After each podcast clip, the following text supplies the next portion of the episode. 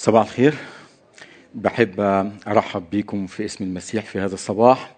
بحب أرحب بمشاهدينا على سات 7 وبأعضاء كنيستنا اللي بيشوفونا سواء على الشاشات أو من خلال الإنترنت.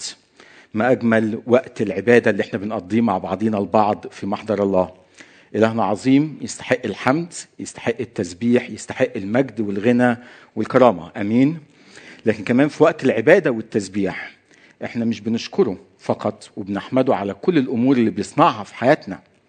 لكن كمان بيبقى جوانا هموم ومشاكل وأوجاع وتحديات بنيجي فيها قدام أو بنيجي بيها قدام الرب ونحطها بين إيديه. فبنرنم ترانيم زي اللي إحنا رنمناها وبحب أشكر فريق الترانيم إنه رجع لنا ترانيم من زمان بقى لنا فترة كبيرة ما رنمناهاش بس كانت فرصة رائعة. عشان نرجع نتذكر الترنيم ديت. لكن الترانيم ديت بتحكي عن اختبارات. عاشها كاتب الترنيمة وإحنا كمان عشناها معاه خلال وقت العبادة وخلال وقت التسبيح. وأجمل شيء في وقت العبادة والتسبيح إن أنت بتيجي قدام الرب وأتمنى إنك ما بتعولش هم الناس اللي حواليك ومش بتفكر فيهم. مش بتفكر بيقولوا إيه. هيشوفوني وأنا واقف وأنا قاعد وأنا فرحان وأنا زعلان وأنا ببكي. أنا مش فارق معايا الناس اللي حواليا. أنا جاي لأنه ده وقت شخصي جدا بيني وبين إلهي. بعبده لما بكون فرحان بسبحه من كل القلب ولما بكون تعبان وحزين بشتكي له بدموع وهو بيسمع صلاتي.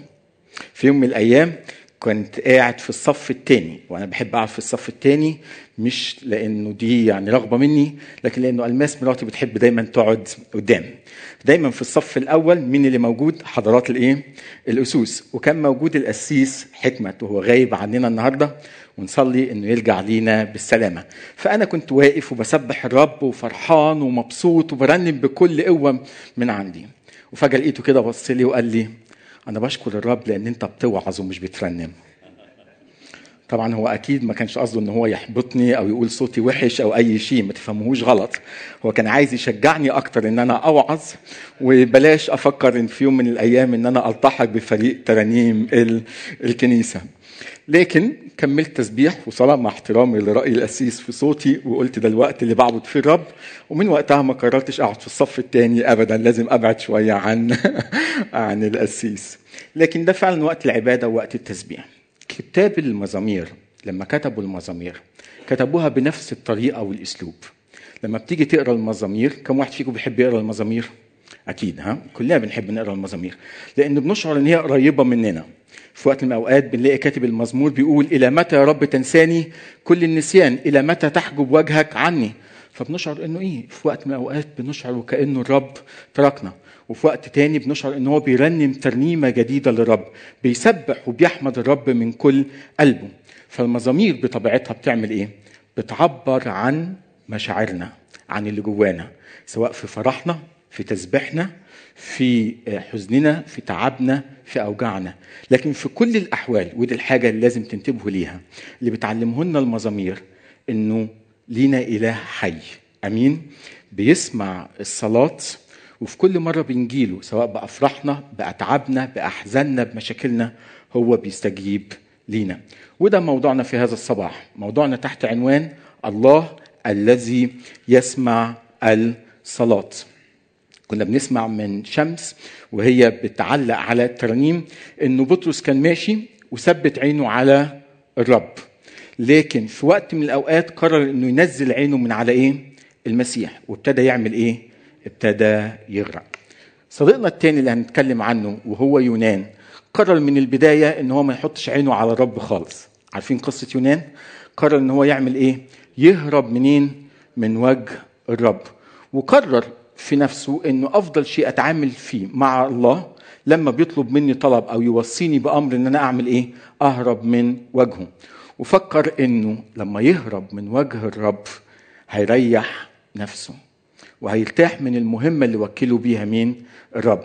لكن في الحقيقة اللي هنقراه ونتعلمه مع بعضينا واللي تعلمه يونان نفسه هو التالي إنه في كل مرة بنحاول نهرب فيها من وجه الرب إحنا بنوصل لمرحلة الموت. بنوصل لمرحلة الموت. ورغم إن إحنا اللي بنبقى هربانين منه وإحنا اللي بنقرر إنه نبعد عنه أول ما بنرجع له وبنطلب وجهه وبنصرخ ليه في وقت الضيق في وقت الألم من قاع البحر الرب بيعمل إيه؟ بيسمع الصلاة كمان مرة. أمين؟ وبيرجع يمد إيده لمين؟ ليونان. وينقذه من قاع البحر ويبعت له وسيلة نجاة عظيمة وهي الحوت. ومن قلب بطن الحوت بيبتدي يونان يصلي الصلاة اللي إحنا هنقراها مع بعضينا البعض. تعالوا نفتح مع بعض كتبنا المقدسة لو معاكم أو على الشاشة. سفر يونان والأصحاح الأول.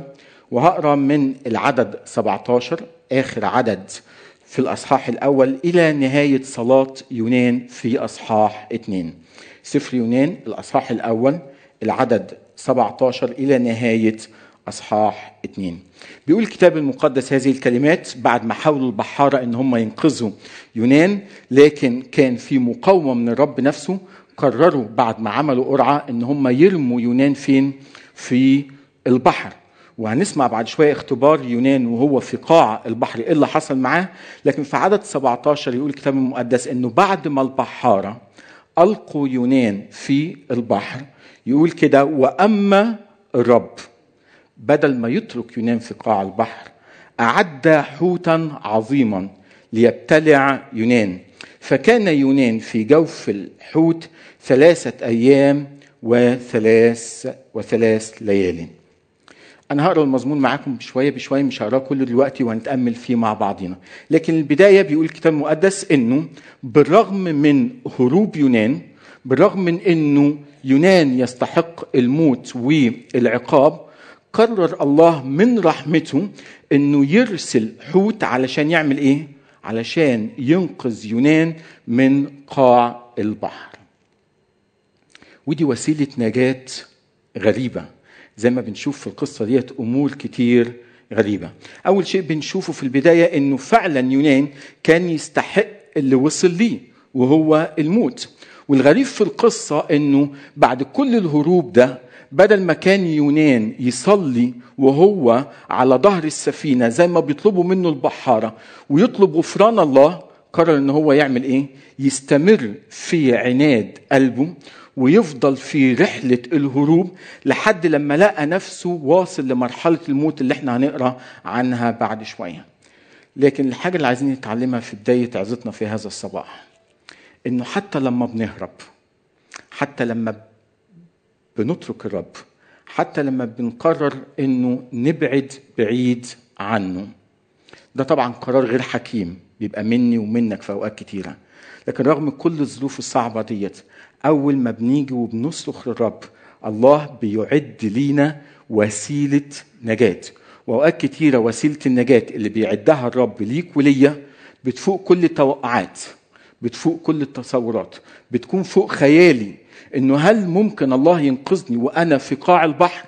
والغريب لما ينقذك بوسيلة هي ممكن تكون سبب إيه؟ سبب موت. فبالطبيعة البشرية إنه لا يمكن إنسان يقدر إنه يعيش في بطن الحوت. فالحوت كان المفروض هو النهاية. لكن بنشوف قد إيه نعمة ربنا محبته سلطانه قدرته والمعجزة اللي صنعها مع يونان. مش إنه فقط أنقذه من قاع البحر واداله حياة جديدة لكن أنقذه بوسيلة نجاة عجيبة. صنع معاه معجزة علشان يبعت له رسالة ويبعت لي رسالة ويبعت لك رسالة مهمة في هذا الصباح. إن لما بنكون في قاع البحر وتعبانين وبنشعر انه واصلين لمرحلة الموت ومفيش وسيلة نجاة يونان بيقول لأ في وسيلة نجاة. أوقات كتير بتسأل إزاي؟ مالكش دعوة إزاي. هو بيقدر يعد وسيلة النجاة بطريقته الخاصة وبيعدها بطريقة معجزية علشان ينقذك وينقذني من قراراتنا الخاطئة ومن عدم حكمتنا لما بنقرر إن إحنا نهرب منين؟ من وجه الرب. لكن يكمل الكتاب المقدس وبيقول كده في إصحاح اتنين وعدد واحد فصلى يونان إلى الرب إلهه من جوف الحوت وقال دعوت من ضيق الرب فاستجابني. صرخت من جوف الهاوية فسمعت صوتي. كمان مرة عدد اتنين وقال دعوت من ضيقي الرب فاستجابني. صرخت من جوف الهاوية فسمعت صوتي. أول شيء بنشوفه في بداية هذا المزمور هذا المزمور إنه بيحكي لنا عن شهادة شخصية عن اختبار عاشه يونان. وهو الاختبار دوت اختبار صلاة مستجابة في وقت الإيه؟ الضيق. فاللي بيقوله يونان وأنا في وسط الضيق وأنا في وسط الأزمة اللي هيحكي لنا عنها بعد شوية قرر إن هو يصرخ للرب دعوت الرب من ضيقي. وبيقول كمان وهنا بنتعلم حاجة مهمة على المزامير إنه في المزامير في شيء اسمه أسلوب شعر. إيه هو أسلوب الشعر؟ مين فيكم بيحب الشعر غيري؟ أنا ما بحب الشعر كتير. لكن اللي بيحب الشعر بيعرف إنه أوقات كتير في لغتنا العربية خصوصا بنحب نقول نفس العبارة مرة تانية ونكررها لكن بكلمات إيه؟ مختلفة. وده اللي بنشوفه دايما في المزامير وفي المزمور اللي بين إيدينا. ففي الجزء الأول بيقول أنا دعوت الرب من ضيقي فاستجابني. بيرجع يعيد نفس الكلمات مرة تانية لكن بأسلوب مختلف.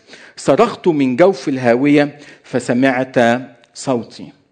بيقول هنا يونان إنه أنا وصلت لمرحلة كنت على حافة باب الموت. أنا كنت في جوف أو في بطن الهاوية. كنت واصل لمرحلة ما فيش فيها أي أمل إنه أعيش. لكن في المرحلة ديت أنا وصلت القناعه إنه بدل ما أستمر في هروبي من الله إن أنا أصرخ لله أطلب إنه يمد إيده ليا إنه ينقذني والغريب والغريب إنه الله عمل إيه؟ استجاب الصلاة. ليه غريب إنه استجاب الصلاة؟ لأنه هو مدرك وعارف إنه هو يستحق الموت يستحق العقاب لأنه قرر إنه هو يهرب من وجه الله. وهنا درس مهم جدا نتعلمه كلنا في هذا الصباح. عندما يستجيب الله الصلاة ليا وليك. دي نعمة ورحمة من عنده. فاستجابة الصلاة هي تجاوب حقيقي من الله لصرختنا ليه في وسط الضيق والألم. وأوقات كتيرة ما بنستحقش هذه النعمة منه إنه يمد إيدينا وينتشلنا من الموت والدمار والخراب اللي إحنا عايشين فيه. لكن هو بمحبته بيترائف علينا وبينقذنا. طب لما نسمع اختبار يونان وبيقول إنه أنا عايز أحكي لكم اختباري إنه في وسط الضيق أنا صرخت لله أنا طلبت استغاثة من الله وهو سمع لصلاتي اللي بنتعلمه بنتذكر حاجتين مع بعضينا. الحاجة الأولى وإحنا بنسمع هذه القصة في هذا الصباح بنتذكر اختبارات الإيه؟ الماضي. بنتذكر اختبارات الماضي. فوأنا بقرأ المزمور وبشوف شخص زي يونان صرخ إلى الرب والرب استجاب لي. بنرجع أنا وأنت ونقول إيه؟ أنا في كذا مرة في حياتي مريت في وقت ضيق وفي وقت شدة. وفي الوقت ده يمكن كل الناس اتخلوا عني.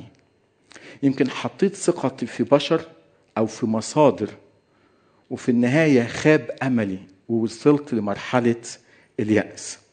لكن في وأنا وأنا في مرحلة اليأس صرخت إلى الله. والله عمل إيه؟ استجاب صلاتي. كم مرة صرخت للرب واستجاب صلاتك؟ كم مرة استجبت للرب؟ أمين أمين. فهو هو أمس واليوم وإلى الأبد. لكن لما بنسمع اختبار يونان وبنتذكر الماضي ده كمان بيشجعنا النهارده فين؟ في الحاضر. إن أوقات كتيرة بنخاف إنه يمكن بالك فترة بعيدة عن الرب يمكن بتمر بضيق يمكن بتمر بأزمة يمكن واصل لمرحلة حافة الموت ومش قادر خلاص تتنفس. لأنك تعبان جدا جدا واوقات بتقول طب لو أنا صرخت للرب هل هو فعلا هيسمع ليا؟ هل هينقذني؟ هل هيمد إيده ولا هيفضل زعلان مني وتاركني وبعيد عني؟ المزمور ده النهارده بيعلمنا حاجة مهمة جدا إنه مهما كان وضعنا مهما كان وضعك مهما كان وضعك مهما كانت ظروفك خلي عندك الثقة النهارده إنه الله إله بيسمع الصلاة وإليه بيأتي جميع الإيه؟ البشر. واستجابة الصلاة مش متوقفة على إن إحنا صالحين أو غير صالحين. إن إحنا نستحق إن هو يسمع لينا ولا ما نستحقش إن هو يسمع لينا. هو بيسمع لينا لأنه عارف إن إحنا في تعب في ألم. وأوقات كتيرة الظروف اللي بنمر فيها يمكن ناتجة عن قرارات غير حكيمة إحنا أخدناها أو بسبب الظروف اللي إحنا بنمر فيها. وفي كل الأحوال هو بيمد إيده بمحبته وبرحمته وبيتحنن علينا من جديد وينقذنا من وادي ظل الموت. يكمل يونان وبيبتدي يقول لنا طيب تعالوا أقول لكم الاختبار اللي أنا عشت فيه وهيبتدي يوصفه لينا. بيقول هذه الكلمات لأنك عدد ثلاثة طرحتني في العمق في قلب البحار. فأحاط بي نهر جازت فوقي جميع طياراتك ولججك. وهنا بنشوف أول حاجة بيعترف بيها يونان إنه حقيقة لما البحارة رموني ووصلت لقاع البحر ده ما كانش صدفة. أنا عندي قناعة إنه ده كان بسماح منك أنت. مش البحارة هم اللي طرحوني في, بط... في في قاع البحر لكن مين اللي طرحني في قاع البحر؟ أنت اللي طرحتني في قاع البحر. فأنا عارف الاختبار الصعب اللي أنا مريت فيه ده نتيجة لقرارات خاطئة أنا سمحت أنا أخدتها. وانت سمحت عنايتك الإلهية ان أنا أوصل لقاع البحر لكن في نفس الوقت لم أو لن أموت. لما يونان بيعترف وبيقول له كده أنت طرحتني في قاع البحر. بيعلمنا كام فكرة بسيطة. أول حاجة بيعلن سيادة وسلطان الله على كل الظروف اللي إحنا بنعدي فيها. هل عندك إيمان؟ وعندك إيمان إن كل ظروف حياتنا هي تحت سلطان الله؟ إن ما فيش شيء بنمر فيه إلا بسماح منه هو. يمكن أكيد مش كل الظروف اللي بنمر فيها جيدة لكن يمكن بسبب الشر اللي إحنا عايشين فيه. لكن يوم بيعترف النهارده إنه إيدك هي اللي سمحت إنه أكون موجود في قاع البحر. فاللي بيعمله يونان وبصلي إن أنت تعمله النهارده بيحاول يبص على اختبار الماضي بعد ما الله أنقذه من قاع البحر وقاعد نوعا ما مرتاح في بطن الحوت وبيصلي وبعد شوية هيرنم ويسبح ويشكر الرب. ابتدى يبص على الماضي ويقول إيد الله هي اللي سمحت بالاختبار دوت. هو اللي طرحني في قاع البحر. بص كده على حياتك في الماضي على ظروف صعبة يمكن أنت عديت فيها وأنت عديتي فيها. وابتدي كده فكر فيها معايا اللحظات. وبدعيك من بعد الاجتماع إنك تصلي لأجلها. وتبتدي تسأل الرب يا رب هل إيدك هي اللي سمحت إن أنا أمر بالظروف الصعبة ديت؟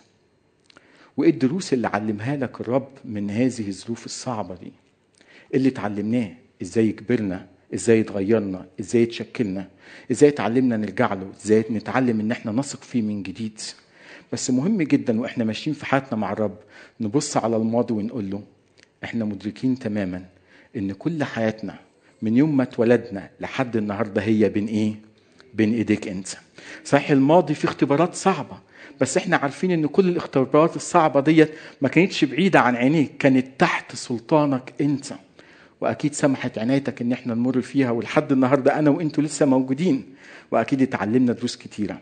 وأهم درس اتعلمناه إن هو صالح إن هو محب إن هو أمين. ولحد النهارده أنا وأنتم لسه موجودين. ولما بننظر للماضي انتبهوا للحقيقة ديت. للماضي بحسب عيون الله. إحنا بنتصالح مع الماضي. بنتصالح مع أوقات كتير لما بنمر بظروف صعبة بيبقى جوانا مرارة. صح؟ بيبقى جوانا نقمة. حاسين كده إن ضاعت سنين من حياتنا في ألم وتعب وعذاب. بس لما نيجي كده ونبص للظروف الصعبة ديت من منظار الله بنرجع نتصالح تاني مع الماضي. وبنقدر نغفر لنفسينا أوقات كتير بنقدر نغفر لله لأنه بنبقى غضبانين منه وأوقات كتيرة بنقدر نغفر كمان للناس اللي أذتنا وسببت لينا ألم في الماضي. يونان بيقول له كده أنت اللي طرحتني في قلب البحار. لكن بيوصف المنظر ده بطريقة عجيبة بيقول وأنا في قاع البحر وأنا في قلب البحر أحاط بي نهر. المية كانت حواليا من كل ناحية جازت فوقي جميع طياراتك وأم وأمواجك. وصلت المرحلة يمكن أنا فيها مش قادر آخد نفسي. لكن يبتدي يونان يقول لنا إيه اللي ابتدى يجي على ذهنه خلال هذا الوقت؟ فابتدى يقول أنا قلت لنفسي فقلت قد طردت من أمام عينك فهل أعود أنظر إلى هيكل قدسك؟ واضح إن كنت أنت رميتني في قاع البحر إن أنت رفضتني إن أنت تركتني إن أنت قررت إن أنت تعاقبني. فأنا ابتديت يونان بيقول أفهم الحقيقة ديت وابتديت أسأل هل هي هينفع مرة تانية أرجع لله؟ وأشوفه في هيكل قدسه. هل هينفع أصلي له ويسمع لي؟ ما خلاص. أنا شاعر إن هو طردني إن هو رفضني إن هو مش عايزني. وأنا وأنتو لما بنمر في أزمة بنيجي وبنقعد مع نفسينا كده بالليل وبنبتدي نفكر وابتدي نسأل نفس الأسئلة ونقول لنفسينا هو سابنا؟ هو رفضنا؟ هو بيعاقبنا؟ هو هو فين؟ هو ليه مش موجود؟ هو هيسمع صلاتنا ولا مش هيسمع صلاتنا؟ وكل الأسئلة ديت بتدور في أذهاننا لما أنا وأنتوا بنعدي بظروف صعبة. إنك تعيش في الرحمة يعني تعيش أمام عينين الرب وفي رعاية الرب. وإنك تقرر إنك تهرب من وجه الرب معناها إنك قررت إنك تعيش بعيد عن رحمة الرب وعن أملته. بيكمل اختباره بيقول وأنا في قاع البحر اكتنفتني المياه إلى النفس أو إلى الأنف يعني ما كنتش قادر خلاص أتنفس. مغاليق سوري أحاط بي غمر. التف العشب البحر حول إيه؟ حول رأسي. متخيلين المنظر معايا؟ نزلت إلى أسافل الجبال أو أسس الجبال. مغاليق الأرض علي إلى الأبد. وهنا في حاجتين محتاجين ننتبه ليهم. لما بيقول أسس الجبال كانت في فكرة موجودة وسائدة إنه في قاع البحر أو البحر ده مبني على جبال. فبيقول يونان أنا ما وصلتش بس لقاع البحر ده أنا وصلت إلى أسس الجبال. ولما وصلت إلى قاع الجبل كأنه الأرض أصبح ليها أبواب زي سجن وأغلقت الأرض أبوابها علي إلى الأبد. متخيلين مرحلة اليأس والفشل اللي هو فيها. أنا بس مش اترميت في وسط في في في, في البحر. أنا ما وصلتش لقاع البحر. ده أنا مش قادر أتنفس. ده العشب التف حوالين رأسي. ده أنا حاسس وكأنه الأرض قفلت أبوابها عليا ومفيش أمل إن أنا أخرج من الحفرة العميقة اللي أنا موجود فيها. لكن بيبتدي بعد كده بيقول كده ثم أصعدت من الوهدة من الحفرة العميقة حياتي أيها الرب إلهي. حين أعيت في نفسي ذكرت الرب لما تعبت لما حسيت إنه خلاص مفيش أمل حسيت إنه نفسي مريضة فيا. المرة الأولى زي ما أنت شفتوا من اللحظات قال إيه؟ قال يمكن الرب تركني. لكن بعد ما كمل الرحلة وهو حاسس إن هو وصل لمرحلة اليأس والإحباط بيقول كده قررت إن أنا أعمل إيه؟ ذكرت الرب. فجاءت إليك صلاتي إلى هيكل قدسك.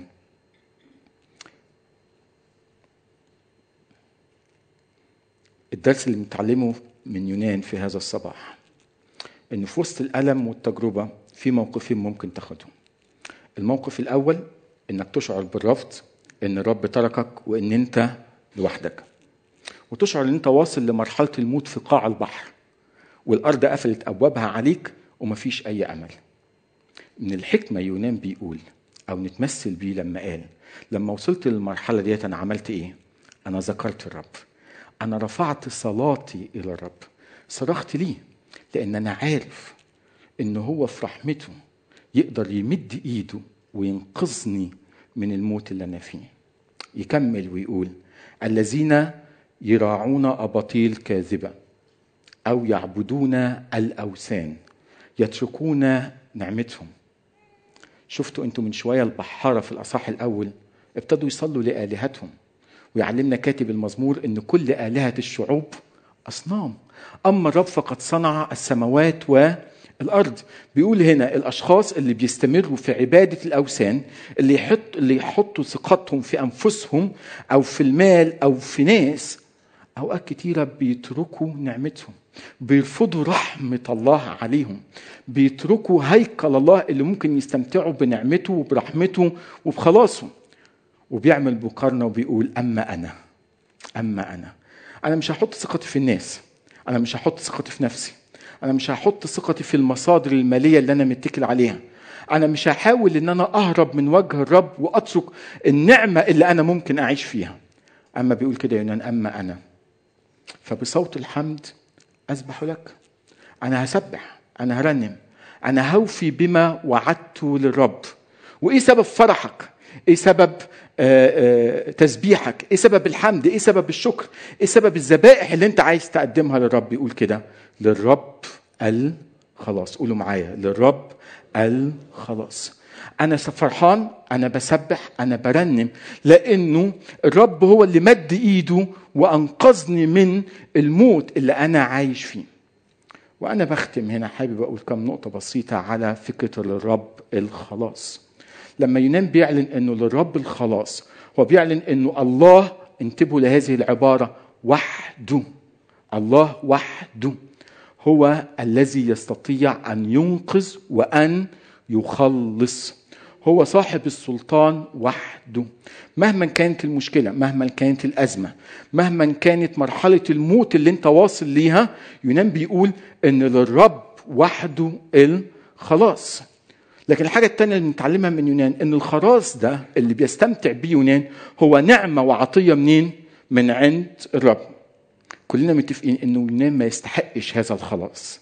يونان يستحق الموت نتيجة قراره إن هو يهرب من وجه مين؟ الرب. لكن من نعمة الرب عليه من محبة الرب ليه إن هو يمد إيده إلى هذا الإنسان الخاطئ الهارب البعيد عنه وينقذه من قاع البحر. عشان كده واقف وبيهتف وبيعلن وبيقول له أنا عارف إنه أنت وحدك اللي تقدر تخلص أنت وحدك اللي تقدر تنقذ أنت اللي وحدك اللي تقدر تنعم عليا بهذه النعمة يمكن ما استحقهاش يمكن ما استاهلهاش. يمكن أنا بقالي فترة بهرب وبجري بعيد عنك. لكن أنا بعلن إن أنت وحدك رب الخلاص.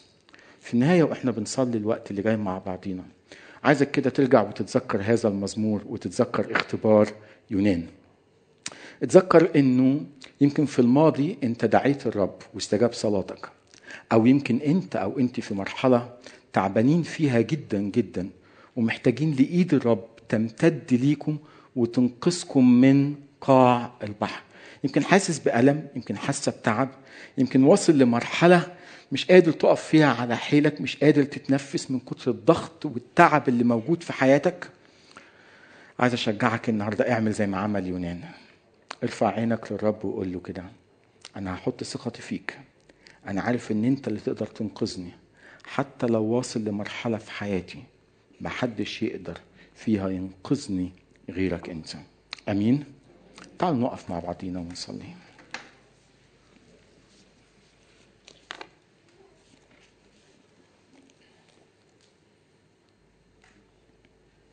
تعالوا ناخد كده لحظات في الصلاة الوقت اللي جاي مع بعض. اسمع كلمات المزمور ده كمان مرة وإحنا ويونان بيقول له كده دعوت الرب في ضيقي فاستجاب لي. ويا رب أنا واثق النهارده إن أنت تستجيب ليا. غمض عينك غمض عينك وصلوا معايا. قول له كده أنا واثق النهارده إن أنت تستجيب ليا. لو شاعر إن أنت مرفوض من الرب لو شاعر إن أنت متروك منه خلي عندك ثقة النهاردة في محبته ورعايته. وقول له رب أنا مش هصدق أكاذيب إبليس النهاردة. لكن اعلن كده. قول له وأنت واقف معايا؟ قول له رب أنا بعلن إنه للرب الخلاص. انت تقدر تخلصني. أنا مش لوحدي في الطريق اللي أنا ماشي فيه. أنا مش متروك ابدا رغم كل الظروف الصعبة اللي أنا بعدي فيها. انت تقدر. انت تستطيع كل شيء. ولا يعصر عليك أمر.